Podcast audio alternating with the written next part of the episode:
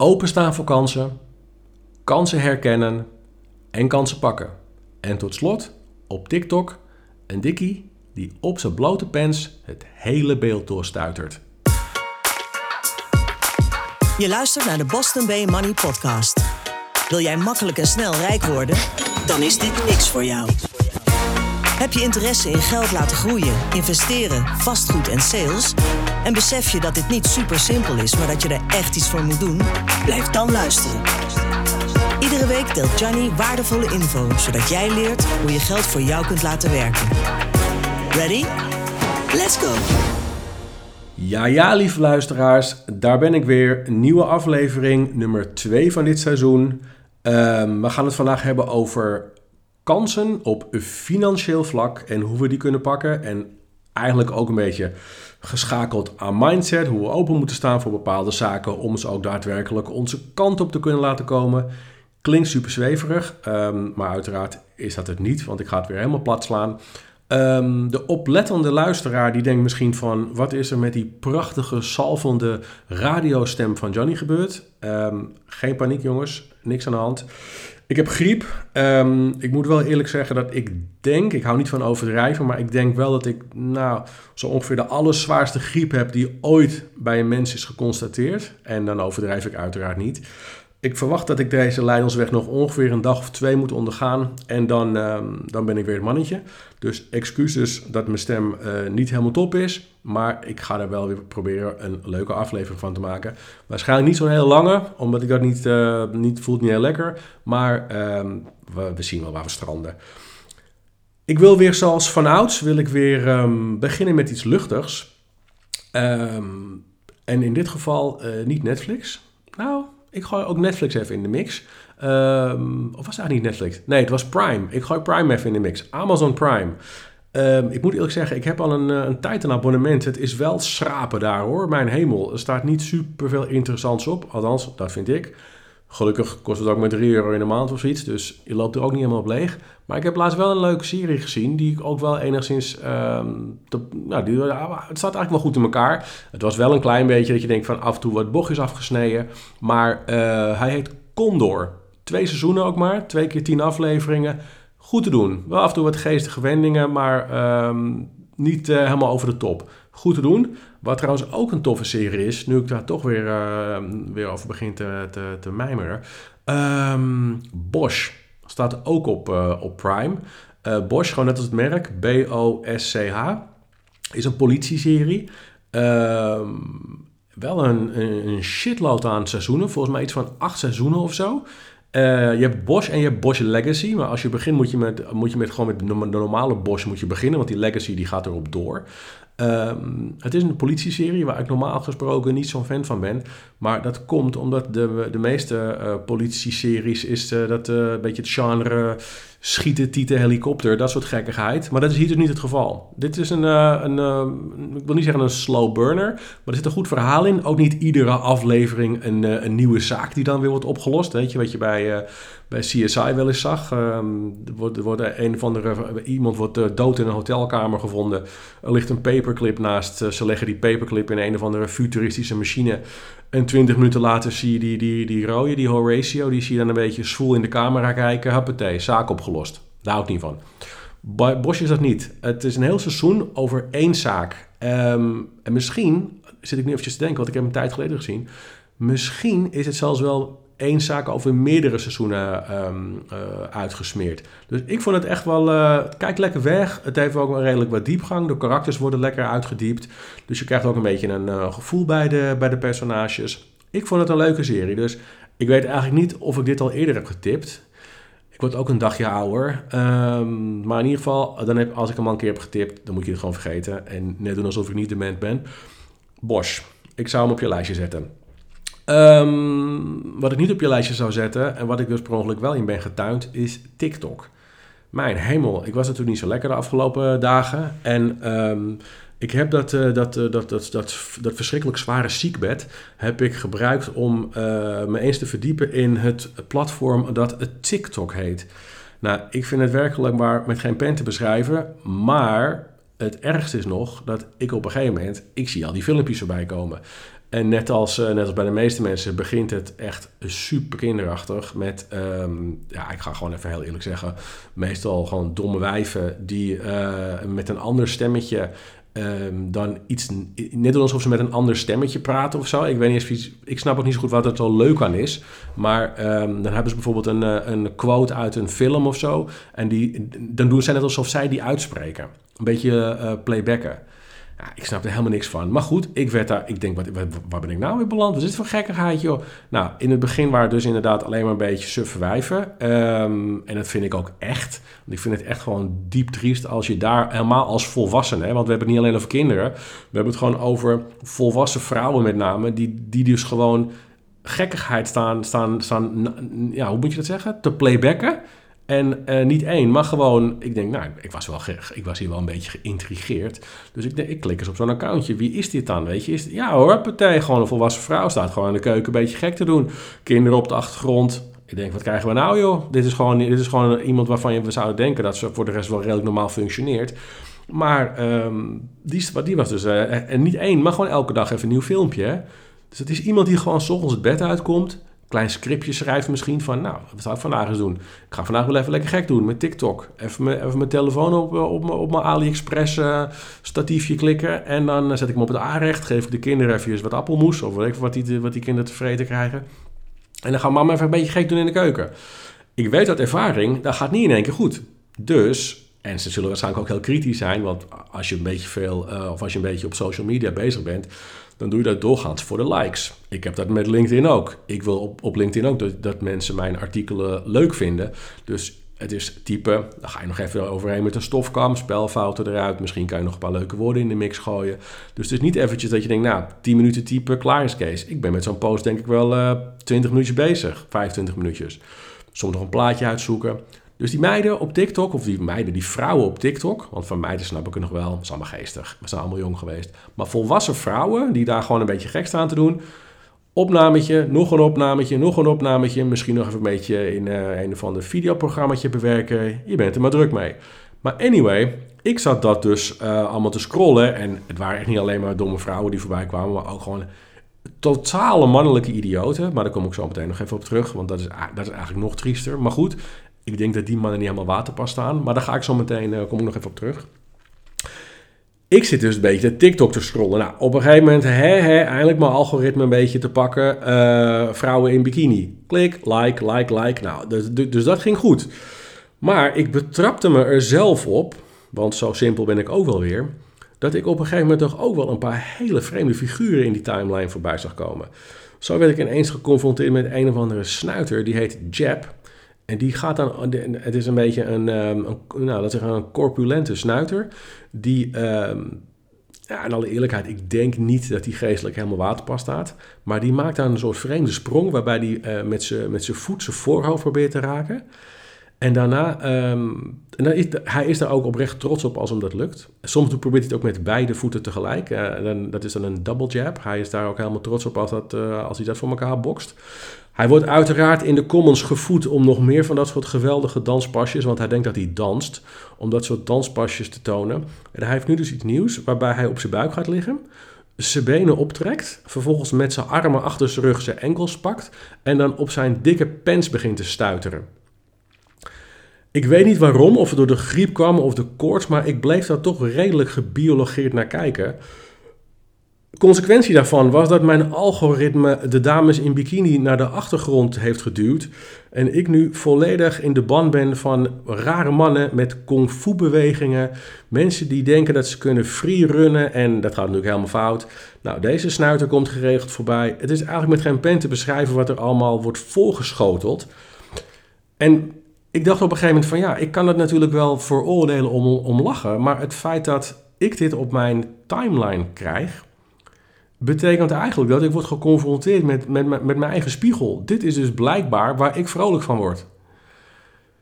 Ik weet dus niet zo goed hoe ik hiermee om moet gaan, maar um, ik houd er nog eventjes op. Zolang ik nog in deze, in deze ellendige griepfase uh, verkeer sowieso. Want ik moet eerlijk zeggen, ik kan er wel om lachen. Maar ik weet niet of ik hier heel lang mee door moet gaan. En het is ook nog verslavend ook, want je klikt de hele dag, die, of je swipe de hele dag die filmpjes weg. Um, dus TikTok I don't know. Ik weet ook niet of wij er met Boston Bay iets mee moeten gaan doen. Maar ehm, ik, ja, het is eigenlijk wel, misschien is het wel geestig. Ik weet niet, als je er al op zit, dan... jullie kennen het waarschijnlijk veel beter dan ik, maar ik ben waarschijnlijk een van de laatste die aansluiten in de rij, maar het is, een, uh, het is nogmaals het algoritme. Ik, ik accepteer dat een spiegel van, van mijn eigen gekkigheid. Maar er loopt wel wat, wat, wat, bizarre figuren lopen er los hoor. Ze hebben ook allemaal een iPhone en het is allemaal online. Pardon. Maar goed, TikTok dus. Uh, nou, dat krijg je toch even zo gratis mee. Hè? Bosch, Condor en TikTok. Laten we beginnen met, uh, laten we beginnen met uh, waar ik het eigenlijk met jullie over wilde hebben. Het eerste wat ik doe is eventjes een slokje water nemen. Ik wil het met jullie hebben over het pakken van kansen. Um, ik, ik, um, um, het, het, triggert mij omdat uh, ik verwacht van 2023 een, echt een soort ommezwaai als het gaat om de hoeveelheid kansen die we op ons afgevuurd zullen krijgen. En dan bedoel ik met name, kijk, mensen met heel veel geld, die, die hebben doorgaans meer toegang tot kansen. En dan is het eigenlijk altijd allemaal redelijk kat in bakkie. Um, maar mensen die wat minder te besteden hebben en die wat zorgvuldiger uh, hun, hun uh, risico's moeten afwegen, Um, die staan regelmatig geparkeerd en met name op momenten dat we in een, een, een economische bloeiperiode zijn. Want dan zijn de prijzen hoog, um, uh, zo'n beetje ieder, alle, alle uh, honkplaten zijn gedekt, zal ik maar zeggen. De meeste kansen zijn inmiddels wel weggegraaid. En een van de dingen die je dan vaak hoort, achteraf altijd, van had ik maar. En ik geloof dat 2023 een jaar is waarvan we achteraf zullen zeggen had ik maar. En dat zal niet meteen in 2024 of 2025 zijn, misschien wel iets later. Maar ik geloof echt oprecht dat dit is een, een, een, een had ik maar jaar. En uh, ik wil het dus met jullie hebben over kansen. Wat voor, wat voor, hoe, hoe moeten we nou denken om die kansen te kunnen pakken? En um, het eerste wat ik, wat ik wil doen is een aantal uh, vragen stellen. En het klinkt een beetje alsof ik de meester ben, helemaal niet. Maar dat zijn ook vragen die ik aan mezelf heb gesteld toen ik begon om een klein beetje een context te creëren van waar heeft die, waar heeft die man het nou weer allemaal over. Nou, laten we gewoon simpel beginnen. Nogmaals, het gaat om, om kansen pakken. Als je verliefd bent op een meisje, of op een jongen, dat maakt even niet uit, maar als je verliefd bent op een meisje en jij zou daar graag een relatie mee willen, is dan het juiste moment om op haar af te stappen en jouw doel proberen te bereiken? Is dan het juiste moment een maandag waarop zij net heeft verteld aan al haar vriendinnen hoe ongelooflijk gelukkig ze is met haar huidige partner? Of kan je beter je kruid even droog houden en wachten totdat er misschien ergens een breuk ontstaat in die relatie, of dat ze het uitmaakt of wat ik wat. Ik denk dat we het allemaal weten wat het meest handige moment zou zijn op het moment dat jij jouw doel wil bereiken. We hebben het dan dus over een periode waarin er eventjes iets um, beroerds gebeurt. Daar, daar zie jij een kans. Iets beroerds voor haar is jouw kans. Um, nog één. Als jij uh, een nieuw huis wil kopen, je wil op een gegeven moment wil je een huis. Ga je dan een huis kopen op het moment dat, alle, dat de markt helemaal booming is en dat alle huizen sky high zijn? Of is het aantrekkelijker om te wachten tot er ergens een recessie ontstaat, misschien een crisis, you name it. Um, uh, en op dat moment dat de prijzen zakken en dat jij dan de markt op gaat. Nou, dit weten we ook allemaal wel. Het huis blijft namelijk hetzelfde. Je, alleen of je betaalt er heel veel voor, of je wacht eventjes. Het huis zal weinig veranderen, waarschijnlijk helemaal niet. En je koopt het in een, uh, in een, een, een laagconjunctuur, in een periode van economische neergang. Neergang klinkt een beetje, klinkt een beetje um, hoe moet ik dat zeggen, um, grof. Maar jullie begrijpen wat ik bedoel, in een periode van dalingen. Um, ook hier heb je dus weer te maken met een soort crisissituatie die voor jou beter uitpakt als het gaat om jouw kans pakken. Nou, hetzelfde geldt bijvoorbeeld voor als je een manager bent. Ik zou liever niet een manager, bijvoorbeeld sales manager worden binnen een bedrijf van een afdeling waar vorig jaar alle records al zijn verbroken en waar de, waar de potentie van het team eigenlijk al helemaal is benut. Die, die citroen is helemaal uitge, uitgeknepen. Ik zou dan liever, als ik mijn talent en mijn energie ergens in wil steken, dan zou ik liever kiezen voor een bedrijf dat aangeeft, jongens, onze sales werkt nog niet helemaal top, maar we hebben wel alle tools en de middelen om er een succes van te maken. Johnny, zou jij het willen aansturen of zou jij het willen, willen optuigen? Daar zou ik persoonlijk meer voldoening uit halen. Dus ook dan heb je weer te maken met een bedrijf wat er nog niet helemaal is, wat, wat er nog moet komen, in plaats van een bedrijf wat al helemaal up and running is, top of the bill en uh, knallen met die handel. Dus zo zie je dat het is soms gewoon handiger om toe te slaan in een periode waarin er sprake is van, um, laten we dat voor het gemak even noemen, turbulentie. Ehm, en dat is iets waarvan ik denk dat we dus in 2023 een, een, heel groot voorbeeld van gaan krijgen. Dit kan een turbulent jaar gaan worden. En dit soort jaren zijn nou precies de jaren die kansen gaan bieden. En wat, waar ik in geloof is dat op het moment dat je dus inderdaad eerst leert om open te staan voor kansen. Dus niet iemand bent die altijd roept van ja, maar zij hebben altijd geluk en ik heb altijd pech en dit overkomt mij weer. Weet je, dat soort figuren. Ja, die staan dus niet open voor kansen. Die hebben helemaal een fixed mindset, deur op slot en uh, ze zien het allemaal wel. Dus je moet in, in het begin moet je sowieso uh, leren open te staan voor kansen als ik een gelukje kan krijgen, kan jij ook een gelukje krijgen. En het geestige is dat hoe harder je ergens voor werkt, hoe, hoe meer geluk er op je pad komt. Dat is gewoon zo. Als je eenmaal hebt geleerd om open te staan voor kansen, is het daarna natuurlijk wel belangrijk dat je ook leert hoe een kans eruit ziet. Hoe, hoe herken je nou een kans? En tot slot, als je dat ook in het snotje hebt, dan kun je uiteindelijk gaan ehm, investeren in het pakken van kansen. Hoe pak ik nou een kans? Ik sta ervoor open, ik herken hem, maar hoe pak ik hem nou? Een van de dingen die belangrijk is, is dat je constant onthoudt dat de meeste kansen zich voordoen op het moment dat andere mensen in paniek zijn. Of dat andere mensen um, um, uh, laat ik zeggen, niet helemaal in een happy flow zitten. Dat klinkt heel hard, maar denk maar even terug aan, je, aan het meisje wat je wil versieren. Uh, het is toch net allemaal een stukje relaxter op het moment dat ze het net heeft uitgemaakt met haar vriendje, dan dat zij uh, helemaal Hosanna met z'n tweeën door het leven gaan, want dan kom je er gewoon niet tussen. En een van die dingen die ik dus, um, waarvan ik hoop dat je, dat je ze gaat, gaat zien, is um, tijdens COVID schoten de beurzen als een malle omhoog. De beurzen schoten zo hard omhoog dat we uiteindelijk in een situatie terechtkwamen dat de Giro, waar mensen hun aandelen, en is, is een broker, daar kun je aandelen kopen, is aandelen, kan je een aandelenrekening openen, die de Giro, pardon, die had dus gewoon een wachtlijst van iets van 2 miljoen mensen. Dus precies op het hoogtepunt waarbij alles omhoog schoot, dachten heel veel mensen, hey, dit zijn kansen. Nee joh, die kansen die waren eigenlijk allemaal al vergeven. Dat was de reden waarom hij zo omhoog aan het schieten was. Heel veel mensen hadden hun kansen al gepakt. En als je dan ergens als, als laatste aan boord kwam, ja, dan zijn de meeste prijsjes al vergeven. Dus dat zijn dus precies de mensen die dus niet zien hoe een kans eruit ziet. Die, en het geeft niet, maar die hebben niet door van... oh, wacht even, ik had beter een ander moment kunnen kiezen voor een kans... of ik had er al moeten zijn voordat die uh, omhoog knalde. In dit geval de beurzen.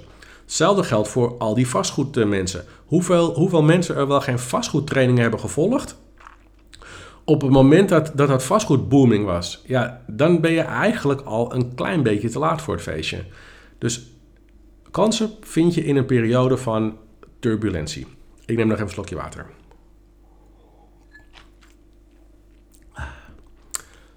Laten we um, doorpakken. Stel nou dat jij uh, zoiets hebt van, nou weet je, ik wil over 15 jaar, wil ik gewoon graag 100.000 euro hebben. Is dat, is dat realiseerbaar? Het eerste wat je dus moet doen is openstaan voor kansen. En om open te staan voor die kans moet je voor jezelf gaan uitrekenen: oké, hoeveel zou ik dan moeten investeren per maand? Om uiteindelijk over um, ehm, 15 jaar die ton te hebben. Nou, dit heb ik natuurlijk allemaal al uitge, uitgetypt, dus dat hoef je niet zelf meer te doen. Um, maar op het moment dat jij dus zegt van oké, ik wil een ton over 15 jaar hebben. En van mij bedoel je een miljoen of 10 miljoen, maar laten we het een klein beetje realistisch houden. 15, uh, 15 jaar voor een ton is doable. Um, maar hoeveel moet je dan maandelijks investeren? Nou, ik ben uitgegaan van een rendement van 7%. Heb ik dat zelf verzonnen? Nee, 7% is op de beurs het gemiddelde rendement van de afgelopen 50 jaar. Dus dat is doable. En in die 50 jaar zat natuurlijk ook een, uh, de dotcom crash, de bankencrisis, 9-11, nou, you name it. Maar ook hele mooie periodes. Dus helemaal uitgemixt is die uh, eh, 7% is realistisch. Als je met 7% gaat rekenen, dan heb je 325 euro per maand nodig om, ehm, eh, om uiteindelijk tot die ton te komen. En de weg is als volgt. Na 15 jaar heb je, en je, heb je steeds die, die 325 euro ingelegd, maandelijks. Heb je dus zelf 58.000 euro ingelegd.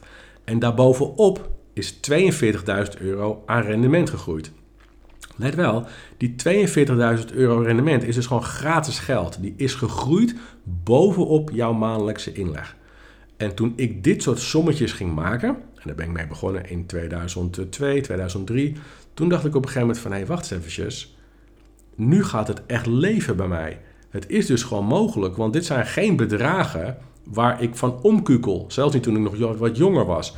325 euro per maand is voor heel veel mensen te behappen. Zelfs voor mensen die denken van, nou, ik, ik heb dat niet. En dat zijn dan vaak dezelfde mensen die 200 euro per maand aan sigaretten uitgeven, weet je. Dus dit is, dit is echt wel een bedrag wat voor heel veel mensen, niet voor iedereen, maar voor heel veel mensen behapbaar is. 325 euro per maand. je kan natuurlijk ook minder doen. Alleen dan, moet je, dan zal je eindbedrag waarschijnlijk ook iets minder zijn als je met die 7% blijft, um, blijft rekenen. Dus ben je niet vast op die 325, maar voor het voorbeeld om die ton aan te houden. Ik, ik, ik denk dus, maar dit is mijn aanname, maar ik denk dus dat voor heel veel mensen die, um, die ton over 15 jaar haalbaar moet zijn. Dus we hebben nu gezien, oké, als we openstaan voor de kans en we, en, we, en, we, en we gaan een klein beetje rekenen en we, en we verdiepen ons een beetje erin, dan zou dit dus gewoon haalbaar moeten zijn. Maar nu moet je op een gegeven moment ook gaan herkennen, oké, maar hoe ga ik dat dan doen? Hoe ga ik dan, hoe ga ik dan zo'n kans pakken? Nou, voor mij is dat de aandelenbeurs geweest. Op het moment dat je kansen wil pakken, dan moet je ze eerst herkennen. Maar om ze te herkennen moet je snappen waar, hoe ze eruit zien. Nou, en dat, dat, daar heb je kennis voor nodig.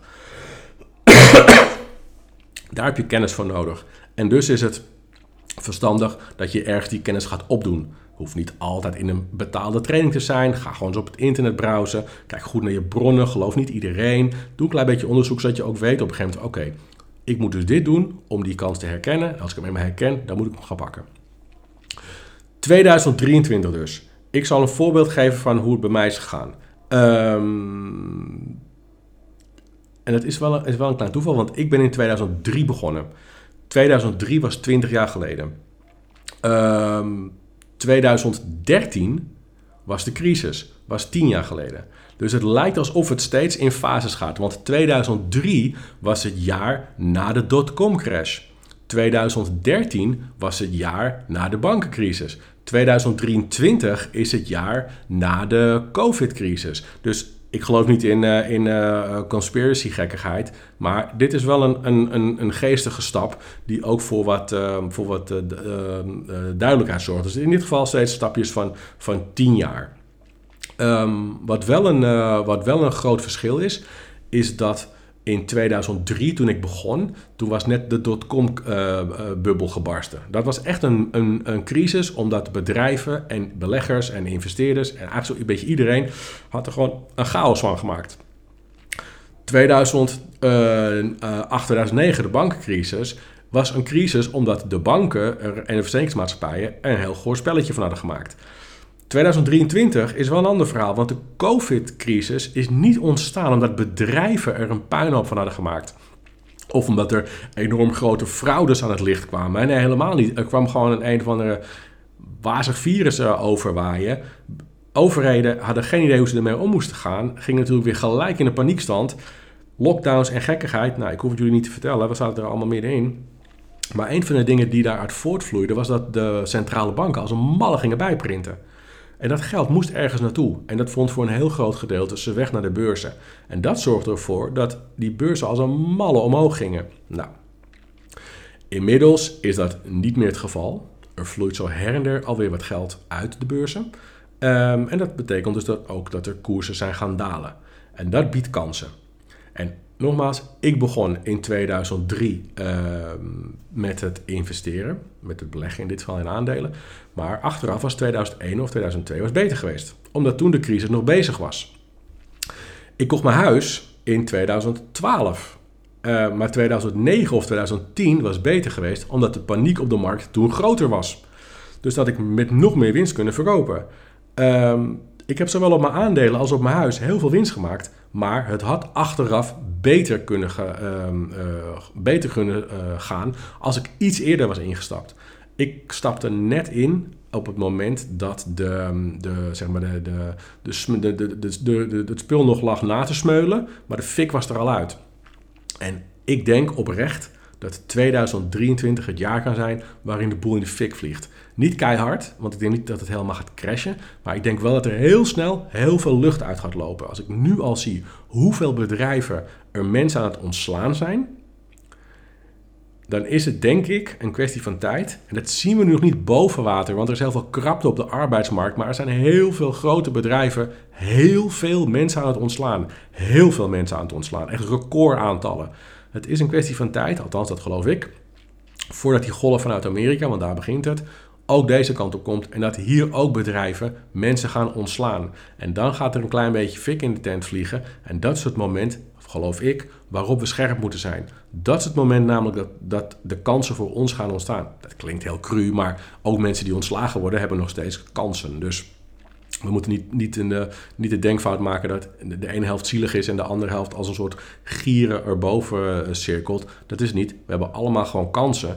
Alleen ik denk als we niet dit jaar scherp zijn, dat we in 2024, 25 of 26 instappen, dat we dezelfde fout tussen haakjes maken die ik ook heb gemaakt in het begin, door niet tijdens de pijnhoop in te stappen, maar net eventjes af te wachten. En dan gaat het echt om bizar veel rendement wat je dan misloopt. Ehm, dus nogmaals, ik verwacht niet dat de hele soja in elkaar stort in 2023. Maar ik verwacht wel dat er kansen gaan ontstaan. En met name dankzij de arbeidsmarkt die waarschijnlijk gaat veranderen. En mensen die weinig ehm, te besteden hebben. Of die er op een gegeven moment op achteruit gaan qua inkomen. Die zullen waarschijnlijk in een situatie terechtkomen dat ze denken: ja, wacht even. Ik heb nog best wel wat aandelen. Of ik heb nog best wel wat bitcoin. Of ik heb nog best wel wat andere spulletjes. Die ga ik verkopen. En hoe meer mensen hun spulletjes verkopen op de beurs hoe harder de aandelen naar beneden gaan. En dan moeten wij zorgen dat wij aan de kant staan, want wij kunnen dan goedkoop het hele spul opscheppen.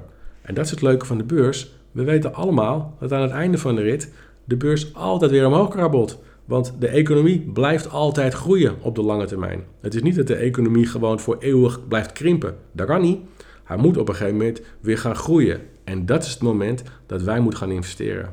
Althans, we moeten al daarvoor investeren. dat is het moment dat wij moeten gaan cashen. En bijvoorbeeld richting die ton gaan, ehm, gaan groeien. En het klinkt heel raar, omdat je eigenlijk zegt: oké, in een bear market moet ik gaan investeren. In een dalende markt. Dat is ook zo. Het, het, het, klinkt heel, heel scheef, maar ga nou investeren in een tijdens een bear market, dalende koersen en niet op het moment dat alles weer omhoog gaat. Want dat is eigenlijk, dan zeg je eigenlijk van oké, de uitverkoop heb ik aan me voorbij laten gaan. Nu de koersen weer omhoog gaan, ga ik als een malle investeren. En dat is dom, want dan heb je heel veel, heel veel rendement uh, laten liggen. Stel nou dat je iets hebt, oké, ik sta nu open voor kansen. Ik herken ze, ik ga, ik ga investeren in, uh, in, ehm, in kennis, zodat ik ze ook ga herkennen. En daarna wil ik ze pakken. Stel dat je denkt van ja, waar moet ik nou in hemelsnaam beginnen? Want het lijkt me wel wat. Kijk gewoon eens op onze website. Dat hoef je helemaal niks voor te betalen. Het is gewoon een normale website. Dan heb ik een shitload aan artikelen. Uh, business cases, nou, je name it. Kijk gewoon daar eens. En er is nog een andere website. Overigens, onze website, we hebben een nieuwe. Een mooie trouwens ook. Ik zou sowieso even een kijkje nemen als, als je interesse erin hebt. Boston Bay Bulls. Bulls, B-U-L-L-S. Net als de Chicago Bulls. BostonBayBulls.com. Kijk er gewoon een, keer, een keertje naar. En wat ook een goede website is, als je iets wil leren over aandelen, die gaan wel iets dieper direct, maar het is wel de moeite waard om die website te checken. Investopedia.com. Dus niet Wikipedia, maar investopedia.com. Is ook een hele goede website om, um, om te checken. Nou, ik hoop dat jullie er iets aan gehad hebben. Ik kan het niet uh, veel langer maken, zoals je al hoort, aan dat ik steeds zit te hoesten en zo. Excuses daarvoor. Drie dingen, samenvattend. Openstaan voor kansen, kansen herkennen of leren herkennen en daarna die kansen pakken. Als je die drie eenheid eenmaal goed onder de knie hebt, dan heb je eigenlijk alle tools om het leven echt te gaan leven In plaats van dat je het leven moet ondergaan. Want je zit zelf achter het stuur. Je kan zelf de, richting bepalen waar je naartoe wil. En anderen hoeven dat niet meer voor je te doen. Omdat jij die kansen ziet. Jij weet hoe je ze moet pakken. En jij dus ook grip krijgt op je financiële situatie. Zonder dat je afhankelijk bent van anderen. Alright. Bedankt voor het luisteren. Nogmaals, excuses voor mijn stem. Bedankt voor het luisteren. Uh, Bosch, niet vergeten. Toffe serie. TikTok, wel snel vergeten. Maak er een mooie dag van. En uh, we gaan weer op naar de volgende. Hoi!